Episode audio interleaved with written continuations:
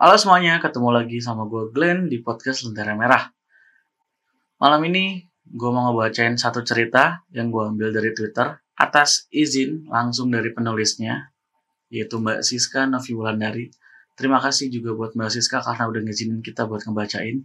Lalu gue juga mau ngasih tahu satu hal penting sama kalian kalau podcast Lantai Merah kedatangan penyiar baru. Dia adalah Vanessa. Halo Nes. Halo semuanya. Nama aku Vanessa. Tapi biar lebih gampangnya kalian bisa panggil aku Nesa atau Nesi aja. Nah di sini nanti aku bakalan biar bareng sama Kak Glenn. Nah, itu dia Nesa. Buat kalian yang penasaran, eh, gimana nanti Nesa ngebawain topiknya, main ceritanya, itu kalian bisa dengerin di update selanjutnya. Tapi buat malam ini, cerita dibawa sama gua. Seperti biasa sebelum gue mulai buat bacain cerita, mari kita dengarkan yang mau lewat satu ini.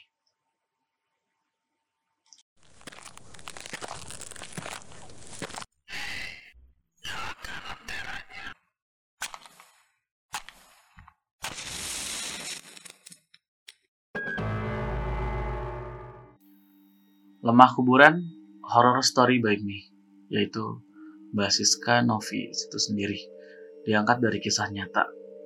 Penulis Ed Siska Novi W. Pak Rofik dan keluarga baru saja pindah dari kota ke sebuah desa yang berada di selatan kota Jember. Kebetulan beliau adalah seorang dokter yang ditugaskan ditempatkan di sana. Pak Rofik dibeli fasilitas rumah dan kendaraan sepeda motor untuk mempermudah kehidupannya di sana selama bertugas di sana selama setahun. Beliau memang menjadi dokter pengganti sementara. Ya, karena perannya sebagai pengganti dokter, dokter Bayu. Selama setahun di sana, akhirnya pihak desa memberikan rumah yang sudah tidak pernah ditinggali oleh pemiliknya. Entah si pemilik ke mana. Namun, rumah itu sudah diamanahi untuk ditempati oleh tamu desa jika berkunjung ke sana. Nah, Rofik, ini kunci rumah jenengan. Nanti ada sepeda motor biar diantar Tarpin ke sana. Ucap Pak Lurah. Pak Rofik yang saat itu senang dengan sambutan warga di sana, menjadikan dirinya semakin semangat untuk mengemban tugas menjadi dokter puskesmas. Ya walau hanya setahun. Tiba di ujung jalan, Pak Rofik beserta istrinya melihat sebuah rumah yang jarak antara rumah warga lainnya agak jauh. Kurang lebih berjarak 50 meter rumah itu sendiri. Hanya Mbak Jainul yang menjadi tetangga dekat mereka. Saat memasuki rumah, hawa terasa aneh. Yah, kok perasaanku nggak enak ya? Rumah sih bagus, tapi saat aku buka pagar kayak gimana gitu. Ucap Fitri, istri Pak Rofik.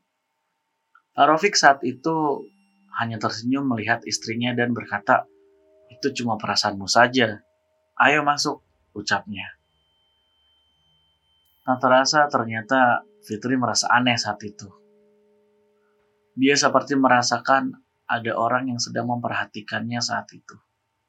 Dia pandangi sekeliling tempat itu Benar saja, di balik pohon ada seseorang yang sedang mengintip. Tak lain adalah Mbah Jainul. Ya, itu siapa? Ucap Fitri. Pak Rafiq saat itu spontan mencari kemudian mengarahkan wajahnya ke arah yang ditunjuk Fitri. Kemudian Pak Rafiq tersenyum. Oh, itu tetangga kita, namanya Mbah Jainul. Udah jangan khawatir, orangnya baik kok. Sebelumnya aku udah bertemu, Fitri saat itu sudah merasakan hal yang aneh dan sedikit cemas karena mengikuti perkataan suaminya. Fitri merasa ketika melihat rumah itu seperti melihat penduso. Salah satu tempat untuk menaruh keranda mayat di kuburan. Rumah itu seperti angker saja baginya. Besok, kita mulai menata ruang dan membersihkan rumah ini ya. Karena kemarin kamar di atas udah aku rapikan dan aku bersihkan. Kita bisa tidur di sana, kata Pak Rafiq. Fitri saat itu hanya mengikuti arahan suaminya dan sedikit sekali mengeluarkan kata-kata. Keesokan harinya, Pak Rofik berangkat ke puskesmas. Hanyalah Fitri sendiri di sana. Dia memulai aktivitas dan membersihkan ruang bawah dan halaman. Namun, ketika dia membersihkan halaman, tiba-tiba Mbah Jainul menghampirinya. Duk, sedang bersih-bersih ya? Mampir ke rumah. Kebetulan saya tinggal dengan cucuku. Dia sudah mau lulus SMK sebentar lagi. Ucap Mbak Jainul. Fitri yang saat itu ragu-ragu akhirnya memberanikan diri untuk menghampirinya. Nggih, Mbah. Kenalkan saya Fitri, istrinya Pak Rofik. Ucapnya dengan tersenyum. Fitri memang bukan orang yang gampang dekat dengan orang. Sifatnya yang pendiam dan susah ditebak menjadikan dirinya agak dijauhi oleh orang-orang yang mengenalnya. Usai perbincangan itu, Fitri mendengar suara benda berjatuhan di dapurnya. Mbah Jainul yang saat itu terkejut hanya terdiam dan memperhatikan lurus ke arah jendela dapur. Fitri yang saat itu mendengar langsung Fitri yang saat itu mendengar langsung berlari dan melihat apa yang terjadi. Dia melihat peralatan di dapurnya sudah bergeletakan di tanah dan ada juga yang pecah. Memang sedikit aneh, apa yang terjadi sungguhlah di luar akal pikiran Fitri saat itu. Mbak Jainul mengikuti Fitri masuk ke dalam rumah dan mendapati dapur sudah porak-poranda. Gusti, aduh nomolo, takakno selamat. Ucap Mbah Jainul dengan meninggalkan Fitri sendiri yang bingung dengan apa yang terjadi. Waktu berlalu, Fitri melupakan apa yang terjadi saat itu. Ia memilih tidak menceritakan kepada Pak Rofik, suaminya, karena melihat kondisi suami yang sangat letih dan tidak memungkinkan untuk menceritakan kejadian di luar logika. Pak Rofik bukanlah tipe orang yang percaya pada gaib. Namun setelah kejadian itu, hal serupa juga sering terjadi. Ketika waktu akan memasuki Ba'da Maghrib dan hampir subuh,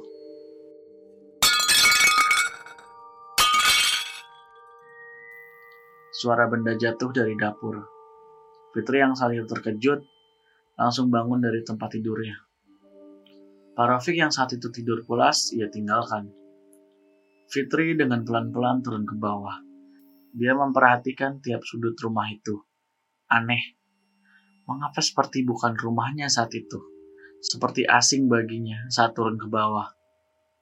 Dia mencoba menghidupkan lampunya namun lampu dengan sendirinya tidak ada satupun yang bisa menyala. Untung saja ada senter yang memang digantung pada tembok tangga. Ya untuk jaga-jaga saat lampu mati atau kondisi darurat. Ia ambil senter itu dan mulai menyorot tiap sudut ruangan. Saat dia menginjak lantai ruang bawah, dia merasa aneh karena kakinya sedikit basah. Dia tetap menyoroti setiap sudut ruang dia tetap menyoroti setiap sudut ruangan dan bergegas ke arah dapur. Ia khawatir rumahnya dimasuki maling. Tiba di dapur, dia mencoba menyalakan lampu lagi. Tapi tetap saja tidak bisa menyala. Lampu senter tiba-tiba konslet. Tidak disadari Fitri sesuatu yang berdiri di belakangnya. Akhirnya senter menyala. Namun ada sesuatu yang membuat mata Fitri terbelalak ketika senter menyorot ke sudut kanan dapur, yang mana terlihat sosok pocongan hanya separuh badan dan bagian badannya lagi tenggelam ke bawah. Dia melihat dapur saat itu berubah menjadi lemah atau tanah. Tangan Fitri sudah gemetaran dan keringat dingin keluar dari tubuhnya. Dia mencoba mengarahkan senter ke, itu ke sudut itu. Namun, di sana tidak ada apa-apa. Kemudian terdengar suara dari belakangnya. Pergi. Saat Fitri menoleh, pocong dengan wajah hancur sedang tertawa kepadanya. Fitri langsung menjerit. Pak Rofik yang pulas kemudian terbangun dan berlari ke bawah. Dia mendapati istrinya sudah menjerit ketakutan. Di bawah meja makan. Pak Rofik segera memeluknya. Istighfar sayang, istighfar, sudah, ucap Pak Rafiq. Kejadian itu kemudian berlalu. Pak Rafiq masih kekeh dengan pendiriannya. Istrinya hanya sedang banyak pikiran sehingga membuat dia halu. Fitri tetap dengan keyakinannya bahwa rumah itu menyimpan sesuatu. Hingga suatu hingga suatu ketika, tepat tiga bulan mereka tinggal di sana, hal aneh terjadi lagi. Malam itu tepat hari Kamis, malam Jumat lagi. Parofik dan Fitri berpapasan dengan Mbah Jainul. Mbah Jainul yang melihat Fitri seketika berkata, Nanti jangan turun ke bawah sampai pagi hari. Hanya ngasih arahan agar bisa selamat. Ucap Mbah Jainul. Malam tiba. Pak Rofik merasa pundaknya sangat berat sekali. Hal itu dia rasakan mungkin penyebabnya hanya pikiran batinnya. Memang, selama ini ada sedikit masalah di puskesmas, belum lagi di rumah yang hampir setiap hari dengan Fitri yang selalu berdebat karena hal sepele. Sayang, buatin aku teh dong. Tolong ya jangan manis-manis, ucap Arofik. Fitri yang saat itu di kamar kemudian mengiyakan perintah suaminya. Dia pergi ke dapur dan membuatkan teh suaminya. Sunyi dan sepi yang dia rasakan saat itu.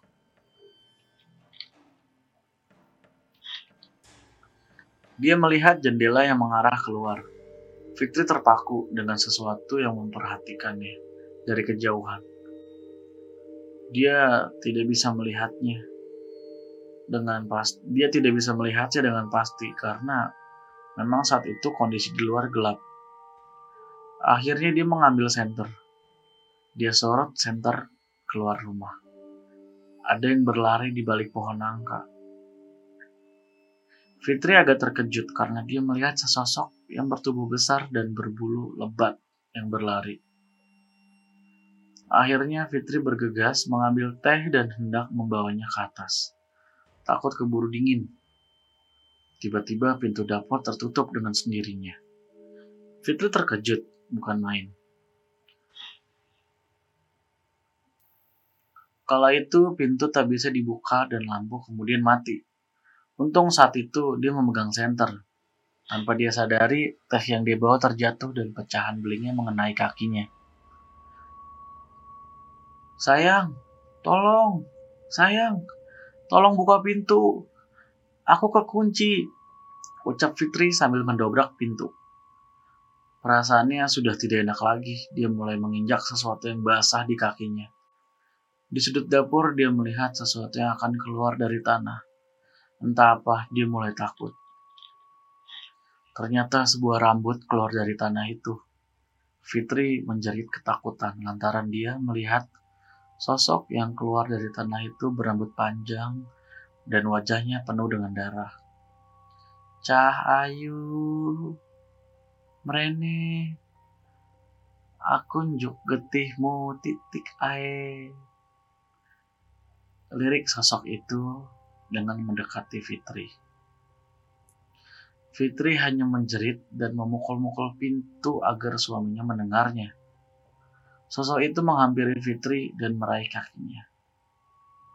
Suwe aku ramangan getih, kene cahayu. Getih kentalmu kayak obat luweku selama iki. Tegas sosok itu. Kemudian pintu terbuka dan Parofik melihat Fitri akan ditarik sosok itu ke dalam tanah. Sontak, Parofik langsung menarik Fitri dan mengumandangkan azan. Hal itu dilakukan agar sosok itu segera hilang dan benar saja. Kumandang azan, ia ucapkan dan sosok itu kepanasan. Sosok itu kepanasan dan berubah bentuk menjadi siluman ular yang berlidah panjang Kemudian sosok itu masuk lagi ke dalam tanah. Suasana kemudian kembali normal kembali. Pak Rofik memeluk Fitri. Maafkan aku sayang, selama ini tidak mempercayai kata-katamu, ucap Pak Rofik. Keesokan harinya, mereka bertemu dengan Mbah Jainul dan menanyakan sesuatu mengenai rumah yang ditinggalinya. Rien, omahku dipanggoni sama keluarga yang garis hidupnya bejo. Pak Saimion namanya. Pak Samion namanya. dia memiliki istri yang namanya Bu Khotimah dan empat anak yang pintar. Ucap Mbah Jainul. Saking bejo uripe, dia sampai punya sawah dan lahan di tanduran dan lahan tanduran di mana-mana. Orangnya yang nggak medit, nggak pelit, dan loman, suka memberi. Petaka itu dimulai ketika dia mempekerjakan seorang pembantu di rumahnya. Namanya Warsinah. Dia bekerja menjadi pembantu di sana. Aku juga mengenalnya. Dia awalnya orang yang baik. Entah mengapa tiba-tiba dia menjadi seperti itu. Kabarnya, dia iri dengan keharmonisan rumah tangga Bu Khotimah dan anak-anaknya karena nasibnya tak seberuntung mereka. Warsina memiliki suami yang suka mabuk-mabukan dan juga menghabiskan celengannya Warsina, tabungannya buat yang nggak tahu. Anaknya yang semata wayang juga nurun bapaknya, jadi anak nakal. Tidak heran jika Warsina sering diperlakukan kasar oleh anak dan suaminya. Suatu hari, Pak Samion niatnya cuma bercanda. Tidak ada niat serius melukai hati Warsina saat itu. Guyon. Pak Samion itu bilang, Oh alana, seumpama awakmu iki ayu gak buluk ngono, tarabi karo aku. Ucapan itu yang membuat Warsina sakit hati kepada Pak Samiun dan semua mau ngomong biasa jadi mulai uripe Pak Samiun. Warsinah datang ke dukun terkenal di seberang desa. Dia meminta untuk membalaskan dendam kepada Pak Samiun dan keluarga. Akhirnya dia diberi sebuah buntelan yang isinya lemah, lemah kuburan. Jadi lemah itu dipendem di dapur sama Warsinah tanpa sepengetahuan Pak Samiun dan keluarga. Lemah itu pembawa sial untuk tempat tinggal Pak Samiun. Dulu Pak Samiun tiba-tiba usahanya bangkrut dan tanahnya di mana-mana dijual. Tak jarang juga aku mendengar beliau tukaran sama istrinya. Tukaran tuh maksudnya berantem ya. Tukaran di sini. Warsina setelah melakukan hal itu kemudian berhenti dan memutuskan kerja jadi TKW Pak Samiun dan keluarga akhirnya pindah ke kota memulai bisnis di sana. Dan alhamdulillah sekarang mereka bisa mengembalikan lagi apa yang hilang. Rumah itu dipasrahkan ke keluar ke rumah itu dipasrahkan ke kelurahan sama Pak Samiun. Dibuat singgah untuk tamu yang berkunjung ke sini. Tapi tak jarang juga mereka melihat hal-hal aneh di sana. Bahkan dulu juga ada yang sampai pergelangan tangannya mau putus dan untungnya cepat ketahuan dan langsung dibawa ke rumah sakit. Jadi seperti itu ceritanya. Makanya dulu Narofik, aku suruh tidur di atas saja, jangan di bawah. Karena saya khawatir lemah kuburannya dipendam di bawah buat jaga-jaga aja biar kejadian buruk tidak terjadi. Sejak kejadian itu, Pak Rofik dan Fitri memutuskan pindah di dekat puskesmas. Mereka tidak lagi mereka tidak bisa tinggal di rumah dinas karena rumah itu dijadikan unit tambahan untuk program pemerintah desa selama setahun. Dan the end. Gitu ceritanya. Serem ya? Serem gak sih, Nes? Serem sih. Asli. Nih, kalau kesimpulan yang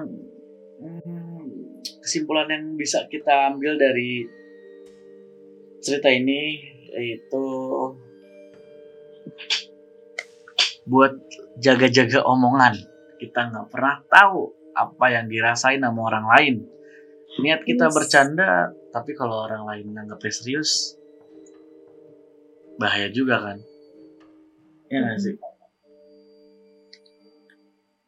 Karena bercanda belum tentu nggak nyakitin perasaan orang yang bercandain sih. Iya, oh, benar-benar. Itu dia. Makanya banyak orang yang uh, suka nggak bisa menem, uh, memposisikan ya. Kayak main asal bercanda padahal kan nggak semua mental orang lagi siap gitu buat dibercandain gitu. Iya. Hmm. mungkin si Mbak Warsina waktu itu ya di posisi kayak gitu. Dan kebetulan emang kan keluarganya juga ngerasa keluarga juga lagi parah gitu anak sama suaminya kacau. Mm-mm. chaos sama Wah. itu lagi sih buat apa namanya kalau menurut menurutku ya ini kan Pak Rofi kan skeptis berarti kan dia nggak nggak percaya sama hal gaib dan pada akhirnya percaya kan Iya.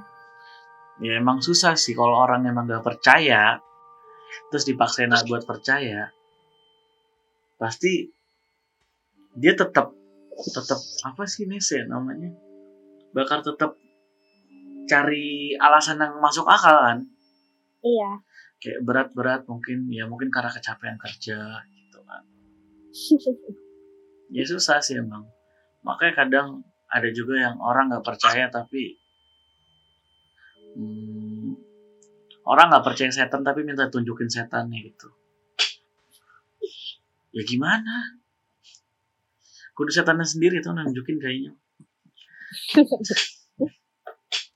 ya lu jangan lu jangan dimain dong iya. Bingung. Hmm. Cie siaran pertama Ih, gitu tuh.